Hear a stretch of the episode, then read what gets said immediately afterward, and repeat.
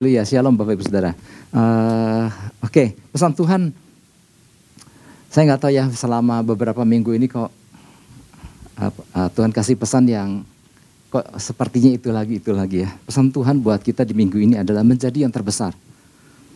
Rasanya dua minggu yang lalu pesan Tuhan adalah tentang dia harus menjadi besar dan kita harus menjadi kecil dan lewat uh, dua minggu kemudian pesannya adalah saat ini menjadi yang terbesar. Wow.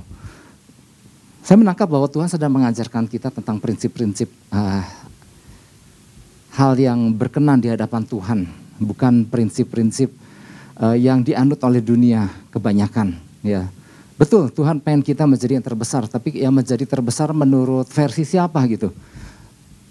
Apabila kita nggak nangkep ini, maka jangan sampai uh, pengiringan kita sama Tuhan ternyata kita uh, mempersiapkan untuk hal-hal yang dunia anut dan itu salah di mata Tuhan.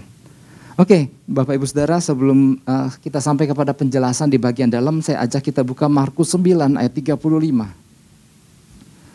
Markus 9 ayat 35 ini sebetulnya adalah salah satu cuplikan percakapan Yesus dengan para murid di dalam perjalanan Yesus menuju ke Kapernaum. Oke, kita saya ajak kita baca sama-sama di dalam ayat 35 ini sudah terpampang 1 2 3. Lalu Yesus duduk dan memanggil kedua belas murid itu. Katanya kepada mereka, jika seseorang ingin menjadi yang terdahulu, hendaklah ia menjadi yang terakhir dari semuanya dan pelayan dari semuanya. Jadi Yesus itu sama murid-muridnya pada waktu itu sedang di dalam perjalanan menuju ke Kapernaum dan setiba mereka di Kapernaum, ada mereka istirahat dalam sebuah rumah, kemudian Yesus bilang, apa yang kalian perbincangkan sih tadi? Jadi di dalam perjalanan menuju ke sana, Yesus mendengar apa yang diperbincangkan oleh para murid sepanjang perjalanan. Dan itu Yesus merasa bahwa wow, mereka memiliki pandangan yang salah, yang harus diluruskan. Tetapi ya Yesus cukup sabar untuk sampai ke rumah dulu di Kapernaum dan baru kemudian menjelaskan. Yesus bertanya, apa sih yang kalian pertengkarkan di sana? Jadi ternyata Bapak Ibu Saudara, apa yang sih yang dipertengkarkan oleh para murid? Ternyata mereka sedang mempertengkarkan siapa yang terbesar di antara mereka. Ini kan gak biasanya kan para murid ya. Di sepanjang perjalanan biasanya mereka banyak bertanya ini dan itu tetapi kali ini dalam perjalanan mereka uh, mungkin sambil bisik-bisik, mungkin suaranya agak terdengar dan itu buat Yesus yang mendengarkan sepanjang perjalanan mereka. Oh, mereka menangkap prinsip yang salah. Mereka menangkap tentang siapa yang terbesar menurut apa yang dunia pahami, ya. Mereka berpikir tentang jadi para murid ini berpikir tentang kerajaan surga sama seperti layaknya pemerintahan dunia.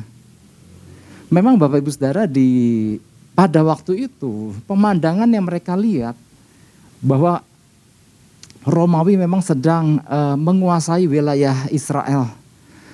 Romawi sedang menguasai wilayah tanah Palestina, ya di mana pemandangan yang sehari-hari mereka lihat adalah mereka uh, menyaksikan bagaimana para pejabat, para pembesar Romawi, para tentara, para komandan dan lain-lain hilir mudik di depan mata mereka. Dan tanpa disadari, murid-murid melihat, wow keren ya, mereka melihat bagaimana para pembesar di dalam melewati uh, berjalan di hadapan mereka, mereka lihat, wow, ada banyak pengikutnya. Keren-keren ya. Lihat pakaian mereka, mahal-mahal. Kemudian mereka lihat pasukan Romawi, wow, komandannya keren sekali. Kalau dia bisa memberikan perintah, semua pada tunduk.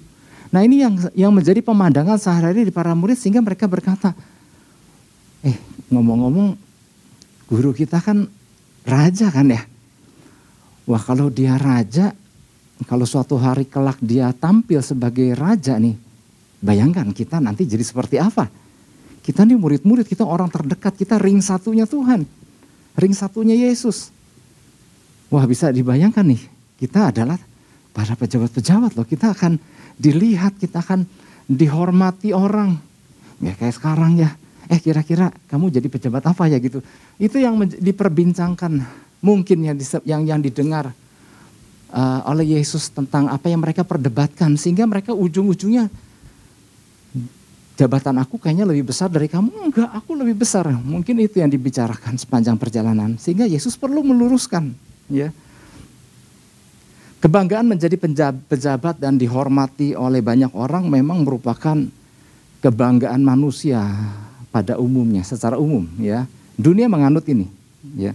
Wow, enak ya kalau jadi uh, pejabat dihormati dan lain-lain. Nah, kebanggaan seperti ini mungkin yang diinginkan sempat terlintas di hati para murid mengingat itulah pemandangan sehari-hari yang mereka lihat.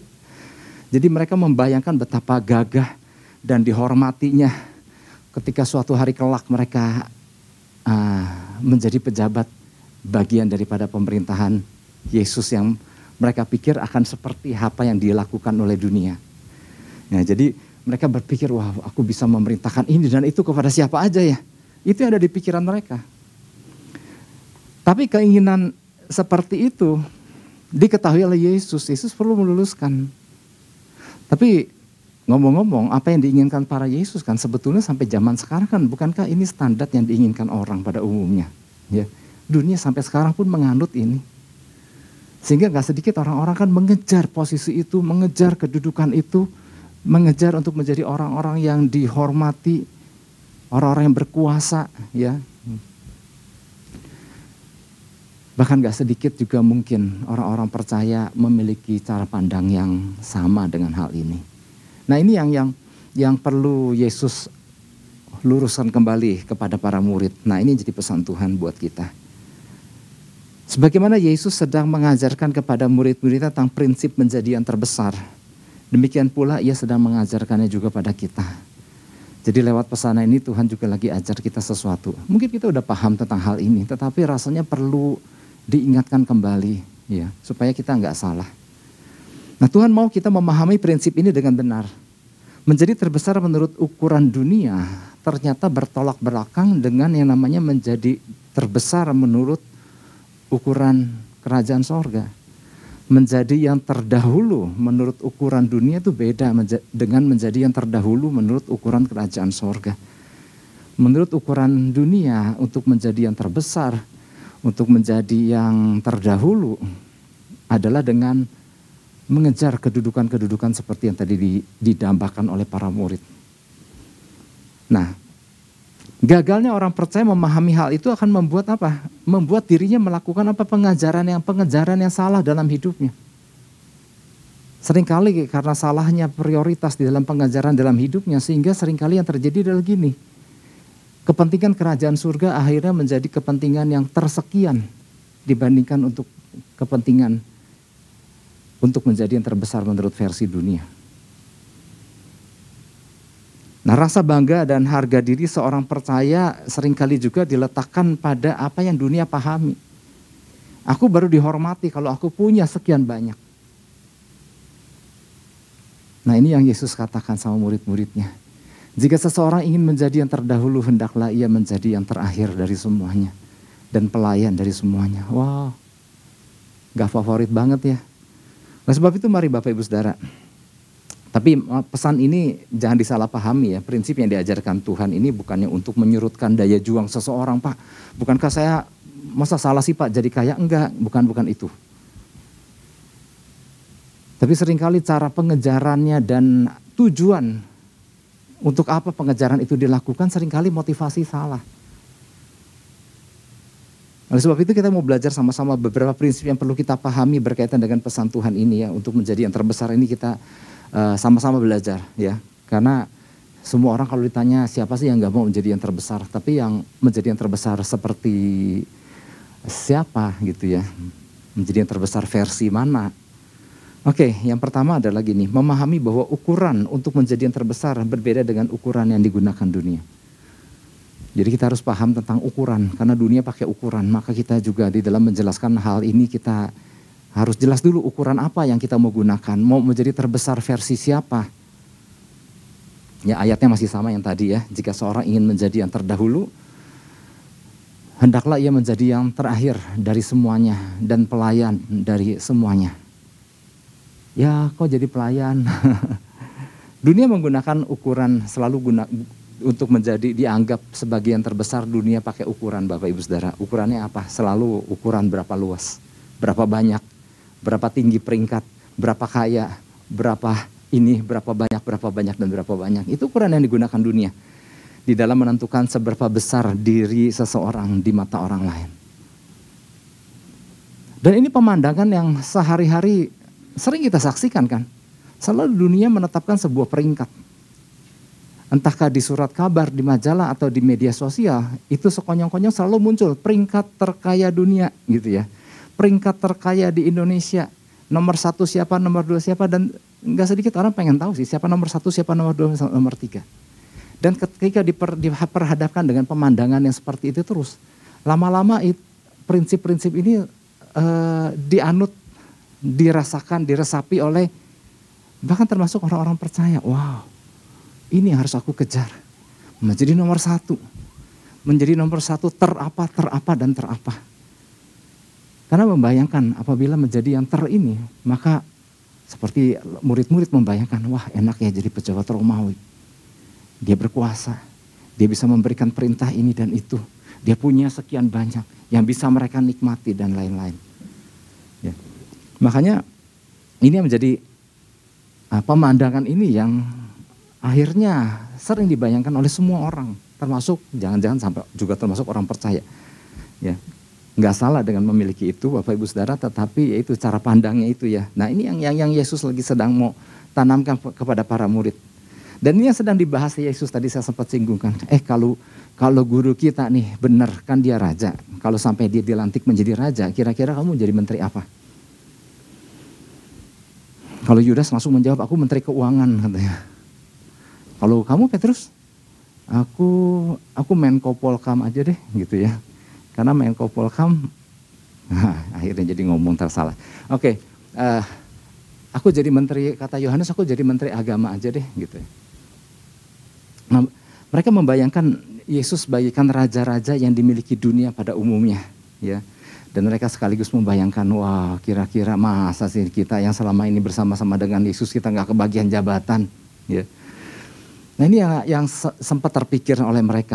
Ya, makanya Yesus begitu tiba di Kapernaum di sebuah rumah, Yesus menjelaskan ya bahwa ternyata untuk menjadi yang terbesar menurut versi kerajaan sorga adalah untuk adalah mereka yang mau menjadi yang terakhir. Untuk menjadi yang terdahulu adalah mereka yang mau menjadi terakhir.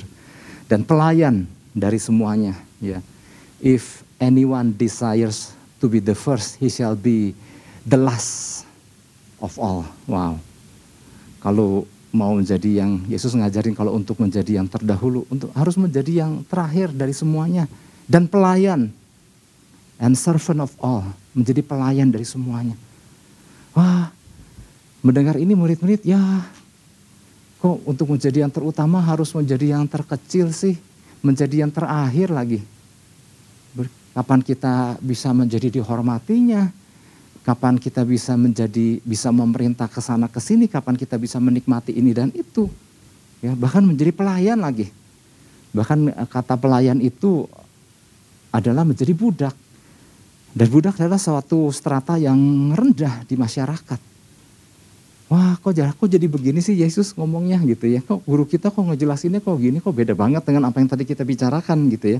Jadi jelas sekali apa yang dikatakan oleh Yesus tentang menjadi yang terdahulu bertentangan dengan apa yang murid-murid sedang bicarakan tadi sebelum di, di perjalanan. Mereka nggak nyangka bahwa apa yang diajarkan Yesus itu menjadi yang terbesar itu berbeda dengan apa yang menjadi pendapat orang pada umumnya. Nah Yesus perlu menjelaskan ini, Yesus perlu meluruskan ini karena memang ternyata gini Bapak Ibu Saudara, bukan zaman sekarang aja, pada zaman itu pun sistem yang berlaku di masyarakat sudah menggunakan sistem terdahulu dan sistem terdahulu terakhir. Jadi sistem terdahulu terakhir ini memang sudah dianut oleh orang-orang di masa itu.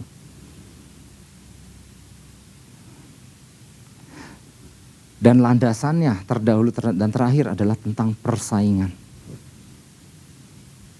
di surat-surat yang ditulis oleh Rasul Paulus pun banyak berbicara tentang terdahulu dan, dan terakhir, berbicara tentang kompetisi.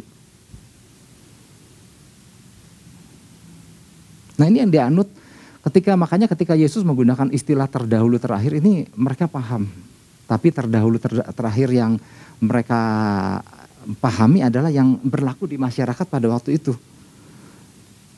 Jadi masyarakat yang berlaku dari zaman dulu sampai zaman sekarang adalah masyarakat yang penuh dengan persaingan. Ya. Jadi kata terdahulu dan terakhir adalah suatu perbandingan, ukuran perbandingan. Kalau nggak nggak jadi yang terdahulu ya jadi yang terakhir. Kalau jadi yang terdahulu antara juara satu, juara dua, juara tiga. Ya sampai sekarang pun ya. Di dalam dunia olahraga juara satu, juara dua, juara tiga. Dan kalau udah lewat tiga ya berarti udah nggak apa-apa, nggak jadi apa-apa. Bahkan dulu di dalam dunia pendidikan, nah sekarang dunia pendidikan uh, sudah nggak menggunakan ranking lagi, ya nggak tahu ya di beberapa sekolah apakah masih menggunakan tapi di dalam dunia pendidikan di masa sekarang udah tidak menggunakan ranking lagi. Ranking satu, ranking dua, ranking tiga gitu ya. Selalu kan satu, dua, tiga. Nah yang keempat goblok berarti gitu ya. Kelima, apa ke tiga puluh kalau muridnya ada tiga puluh.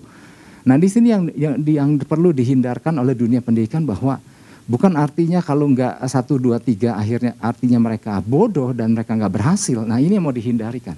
Makanya uh, ranking itu dihapuskan. Karena gini, tingkat keberhasilan bukan di, di, tingkat keberhasilan dalam hidup tidak ditentukan adalah di ranking 1, 2 atau 3. Sehingga karena dulu yang terlalu diagung-agungkan adalah ranking 1, 2 dan 3, ranking 1, 2 dan 3, maka yang keempat dan selanjutnya kita mah goblok, kita mah gagal punya dah gitu. Dan ini membuat mereka merasa ah ternyata aku nggak berguna gitu ya. Makanya Uh, di banyak sekolah hari-hari ini sudah sudah dihapuskan sistem itu, ya karena kalau kita pernah mungkin satu pernah baca suatu artikel keberhasilan seseorang tidak ditentukan seberapa besar nilai, tapi bukan akhirnya ah mendingan aku jadi lima aja, ada keberhasilan kan bukan ditentukan enggak, bukan itu maksudnya. Ada banyak faktor yang menentukan keberhasilan seseorang di dalam menjalani kehidupan, bukan semata-mata angka di sekolah sehingga kalau cuma angka di sekolah, maka orang kadang-kadang uh, melakukan banyak hal demi untuk mencapai angka yang besar. Tapi jangan disalahartikan sistem uh, sistem persaingan di dalam kompetisi ini semuanya buruk enggak. Karena di dalam sistem kompetisi, di dalam persaingan ada nilai-nilai bagusnya. Artinya gini, ayo pacu dirimu lebih lagi. Jangan patah semangat. Berjuanglah berlarilah. Makanya di Alkitab kan di, di surat yang ditulis Rasul Paulus adalah larilah begitu rupa. Seolah-olah hadiahnya cuma satu gitu. Tapi ini berbicara tentang yuk memacu semangat, memacu daya juang. Jangan menjadi orang-orang yang orang-orang percaya anak-anak Tuhan yang lemah. Ah tenang aja lah Tuhan pasti tolong biarpun nilaiku kecil. Enggak, bukan itu. Bukan artinya kita menjadi orang-orang yang lemah Gak sedikit orang-orang percaya anak-anak Tuhan yang lemah. Di dalam bidang akademis, eh, di dalam akademis memilih untuk menjadi lemah. Di bidang mengejar Tuhan juga lemah. Jadi kapan, di mana atau kuatnya gitu ya. Tapi yang Tuhan inginkan adalah gini. Di dalam pengejaran akan Tuhan. Mari kita berlari sedemikian rupa. Berjuang mengejar pengentalan akan Tuhan tetapi di bidang yang Tuhan percayakan pun di dunia, jangan jadi orang-orang yang loyo. Jangan menjadi orang-orang yang lemah. Di sini Yesus lagi meluruskan sesuatu bahwa sering kali yang dikejar adalah tentang hal menjadi yang terbesar menurut apa kata dunia. Sehingga sering kali bentuk persaingannya menjadi salah. Akhirnya mengejar untuk menjadi yang terutama dengan menghancurkan hidup orang lain.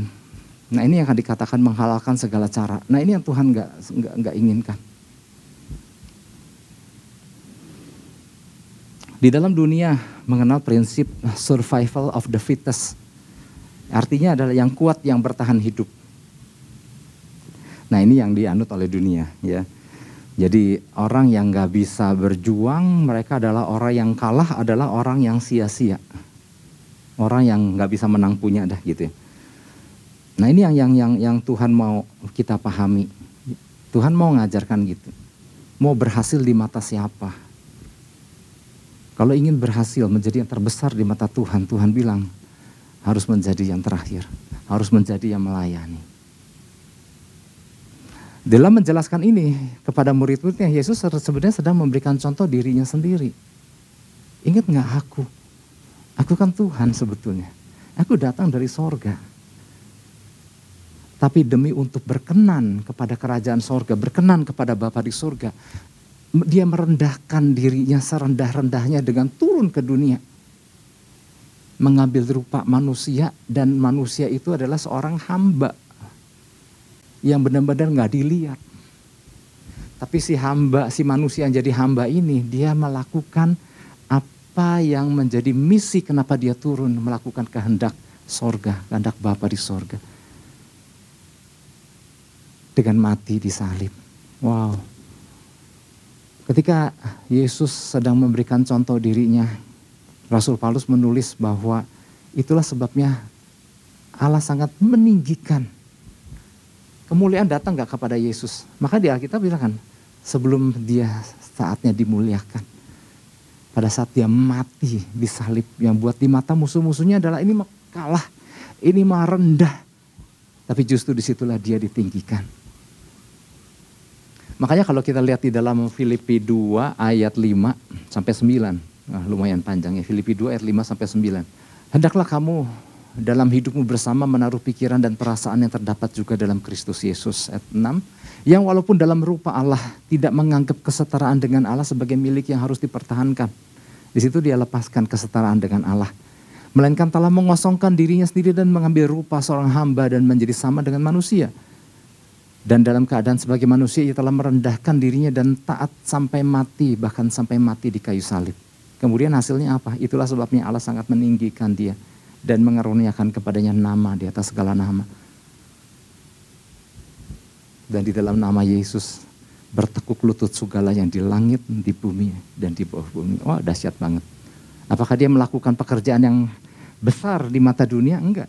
Tapi dia melakukan pekerjaan yang besar di mata Tuhan, di mata sorga dengan merendahkan dirinya serendah-rendahnya melakukan tugas yang dipercayakan Bapa kepadanya dengan melakukan kehendak Bapa di sorga.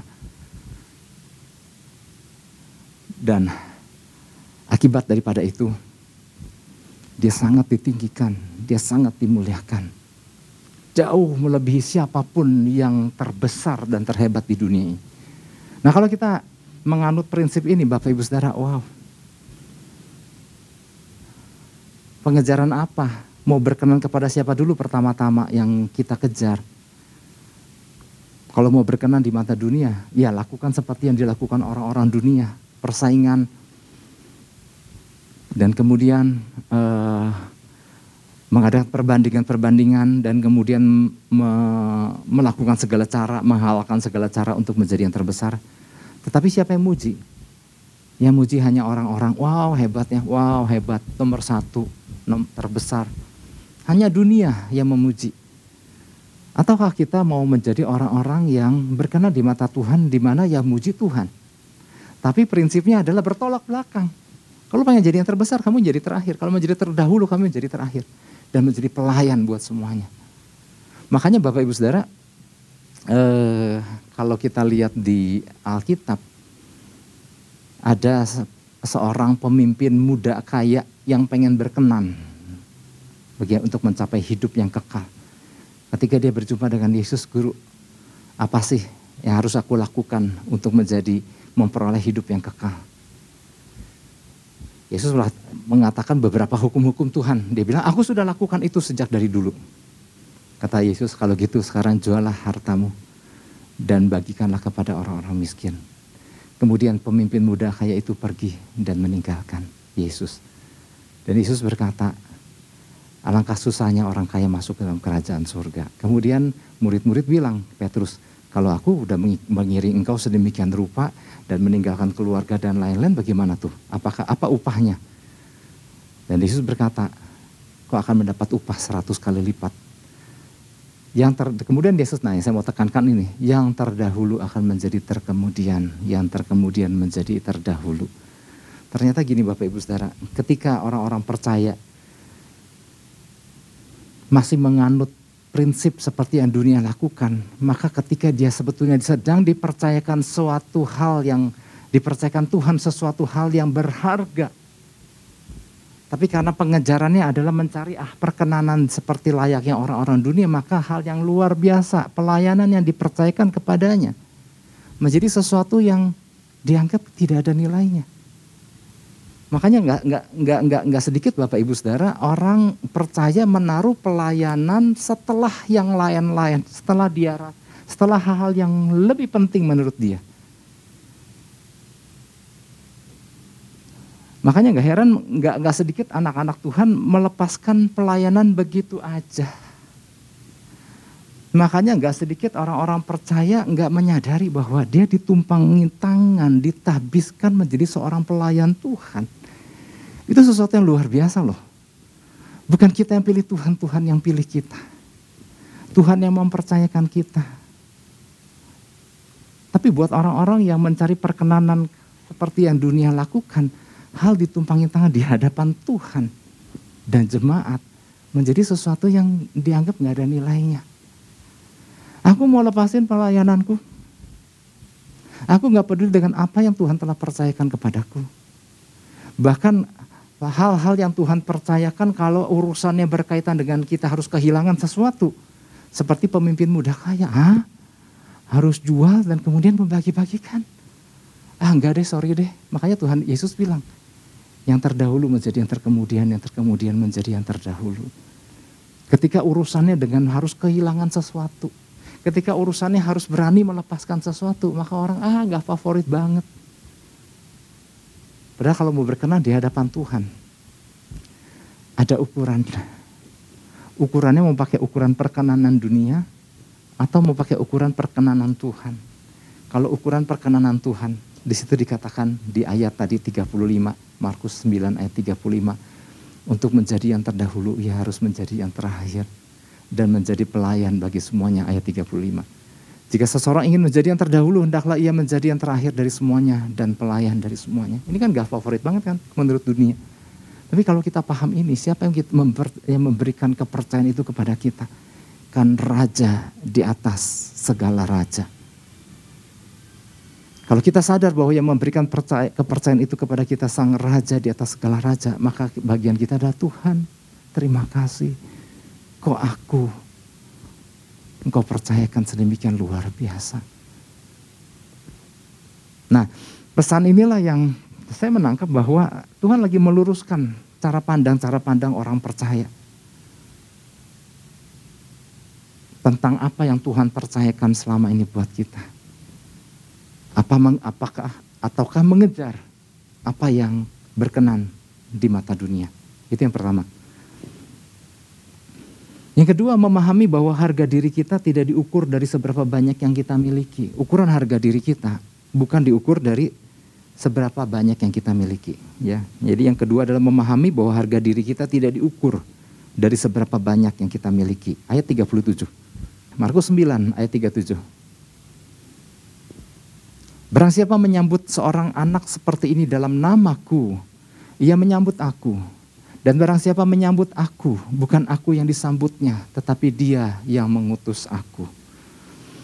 Jadi waktu Yesus menjelaskan kepada murid-murid tentang prinsip menjadi yang terbesar, prinsip menjadi yang terdahulu, itu murid-murid kan kemudian uh, kayaknya keningnya berkerut nih. Ngomong apa sih guru? Kok aneh-aneh aja sih? Apa sih nggak ngerti menjadi yang terdahulu, menjadi yang terakhir? Dan kemudian rasanya Yesus perlu ganti metode untuk lebih memberikan pengertian kepada para murid. Tadi kan pakai metode bicara nih, kelihatannya mereka kesulitan. Sekarang pakai metode metode sampel. Dia ambil anak kecil, bukan dia ambil anak kecil. Mungkin ada anak kecil sekitar itu. Eh, dek sini dek, kata Yesus. Dan di sini dikatakan barang siapa menyambut seorang anak seperti ini dalam namaku. Yesus menyambutnya, Yesus memeluknya. Ia menyambut aku Nah, apa sih yang dimaksud dengan Yesus uh, mengambil contoh seorang anak kecil kemudian dia membawa di tengah ke tengah-tengah muridnya. Jadi ternyata gini Bapak Ibu Saudara. Di budaya orang Yahudi pada waktu itu yang namanya kan mereka menganut budaya uh, patriarki ya, paternalistik. Budaya di mana pria adalah superior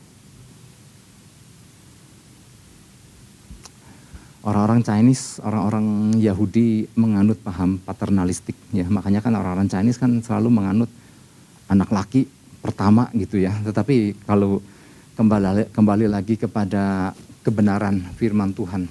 Semua berharga di mata Tuhan. Ya, semua memiliki nilai yang sama, semua gender memiliki nilai yang sama. Bahkan anak kecil. Nah, di zaman itu perempuan dan anak kecil nggak masuk hitungan.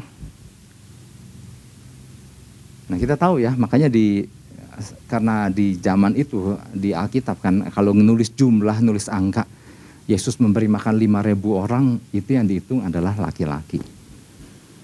Kenapa? Yang perempuan sama yang anak-anak nggak masuk hitungan. Dianggap nggak ada gitu ya, karena budaya pada waktu itu yang mereka anut. Jadi waktu Yesus memberikan contoh dia membawa anak kecil itu di sini dia lagi menjelaskan kepada murid-muridnya untuk menjadi yang terbesar adalah yang mau melayani orang yang nggak dianggap ini. Mau melayani seorang anak yang tidak diperhitungkan, yang tidak dianggap sebagai sesuatu yang harus dilirik tapi justru kata Yesus, yang seperti ini melayani orang-orang yang seperti inilah yang dikandaki oleh Bapa. Apa yang dunia tidak anggap, apa yang dunia tidak perhitungkan. Ini yang diperhitungkan oleh Bapa di surga. Ya. Sehingga tindakan Yesus memeluk dan menjadikan anak ini sebagai teladan bagi orang dewasa ini sebetulnya adalah sesuatu yang wow, ini nggak biasa banget. Ya. Dan Yesus bilang kalau nyambut anak ini, ya menyambut aku. Dan barang siapa menyambut aku, bukan aku yang disambutnya, tapi dia yang mengutus aku. Wow, larinya kepada siapa yang mengutus Yesus. Luar biasa sekali. Ya.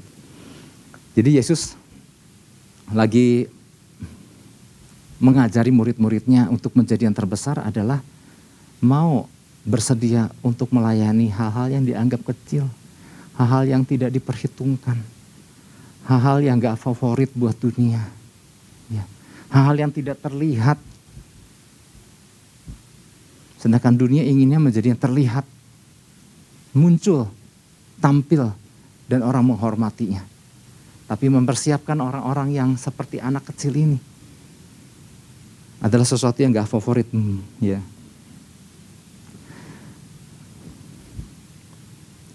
Jadi Yesus lagi mengajari gini, menghayati kedekatan bersama Tuhan dengan mendekat kepada makhluk yang terkecil, yang sering kali tidak diperhitungkan. Seorang tidak akan pernah bisa menjadi seorang pemimpin yang matang dan berkualitas jika ia tidak memulainya dari hal-hal yang kecil. Dan orang memulai hal-hal yang kecil adalah hal-hal yang, aduh nggak kelihatan pak, nggak di, nggak ditonton, nggak dilihat orang. Orang senangnya membangun sesuatu yang tampil. Makanya membangun fondasi. Yang sering sering kali saya sampaikan di dalam kehidupan kita perlu fondasi yang kuat. Di dalam membangun pernikahan, fondasinya harus kuat. Kalau fondasinya kuat Bapak Ibu Saudara, mau bangun bangunan setinggi dan sehebat apa, mudah. Karena fondasinya mumpuni, fondasinya kokoh untuk menampung sehebat apa pun bangunan yang kita akan bangun di atasnya.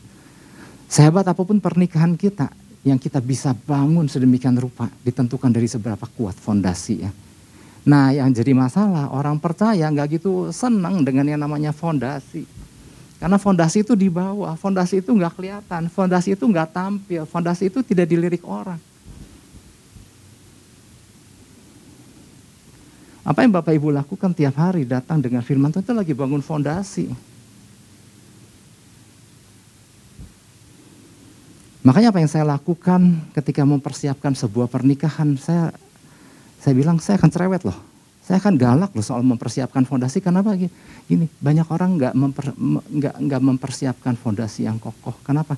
Ketika saya mempersiapkan sebuah fondasi dan orang dan pasangan itu nangkep, dan saya akan melihat hal-hal luar biasa apa yang bisa dia bangun di atasnya. Kenapa? Fondasinya udah kokoh.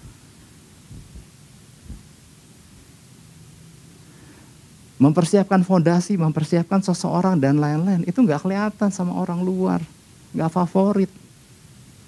Tapi saya mem, mem, tapi biarlah kita sama-sama memilih bukan sesuatu yang favorit di mata orang luar sana, tapi yang favorit untuk uh, menjadi yang favorit di mata Tuhan. Kemegahan seorang kepala keluarga bukan soal dia punya kuasa, memperlihatkan kuasanya inilah aku hebat. Itu kata dunia. Tapi kehebatan seorang pemimpin, seorang kepala dalam keluarga adalah ketika bersedia memberikan contoh dan teladan bagi anak-anaknya, bagi anggota keluarganya. Ini kan gak favorit. Bagaimana mempersiapkan generasi penerus. Bagaimana menyiapkan, mengajarkan sedemikian rupa. Dan di mata dunia itu kan gak favorit. Tapi ternyata di mata Tuhan, wow ini luar biasa sekali. Kita sedang mempersiapkan orang-orang meskipun kita nggak tampak. Nah mari Bapak Ibu Saudara saya nggak berpanjang lebar ya. Kadang kita mengukur diri kita secara salah, kita merasa diri kita baru berharga kalau kita punya banyak. Nggak salah ya punya banyak, tetapi jangan itu menjadi landasan kita. Aku, kenapa aku pengen kaya? Karena aku baru dihormati kalau aku kaya. Bukan itu. Mau dihormati sama siapa dulu? Ya. Kalau cuma sekedar ingin dihormati sama orang, maka pengajaran kita akan menjadi pengajaran yang salah. Tapi kalau kita mau berkenan di mata Tuhan, kita melakukan pengajaran yang berkenan di mata Tuhan dan ada saatnya di mana Tuhan akan meninggikan. Dengan caranya Tuhan, bukan dengan caranya kita. Ya. Dan memang hal tentang apa yang berkenan di mata dunia, memang itu yang terjadi. Karena dunia memang ngukurnya pakai cara itu. Tapi lewat pesan yang Tuhan sampaikan kepada saya Bapak Ibu dan Saudara, itu pengingatan kita bahwa ada kerajaan sorga. Kerajaan yang dahsyat. Kerajaan yang panggil kita kerajaan yang sedang mempersiapkan kita. Dan dia punya ukuran loh. Kita diingatkan kembali, mau pakai ukuran yang mana. Kalau minggu lalu kita dapat pesan Tuhan, Tuhan buka jalan. Saya mau, saya mau tanya, apa yang ada di pikiran banyak orang percaya ketika dapat pesan Tuhan buka jalan?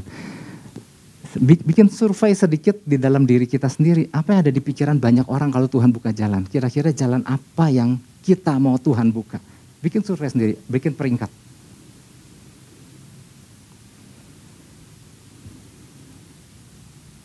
Apakah, wah pesan Tuhan, Tuhan buka jalan, Tuhan akan buka jalan sehingga aku bisa dengar suara Tuhan lebih lagi. Ada sesuatu yang dibukakan. Apakah itu? Apakah ternyata yang di dalam pikiran, yes akhirnya gue kaya. Tuhan buka jalan buat aku. Nggak salah ya, sorry, nggak salah. Tetapi kalau menurut survei mana yang terbanyak di dalam pikiran banyak orang ketika dengar Tuhan buka jalan? Semua kebanyakan rata-rata tentang materi, bukan tentang akhirnya Tuhan mau kasih hikmat lebih lagi sama aku. Untuk aku bisa berpikir seperti cara Tuhan berpikir. Apakah itu yang jadi peringkat? Seringkali nggak kepikiran ya.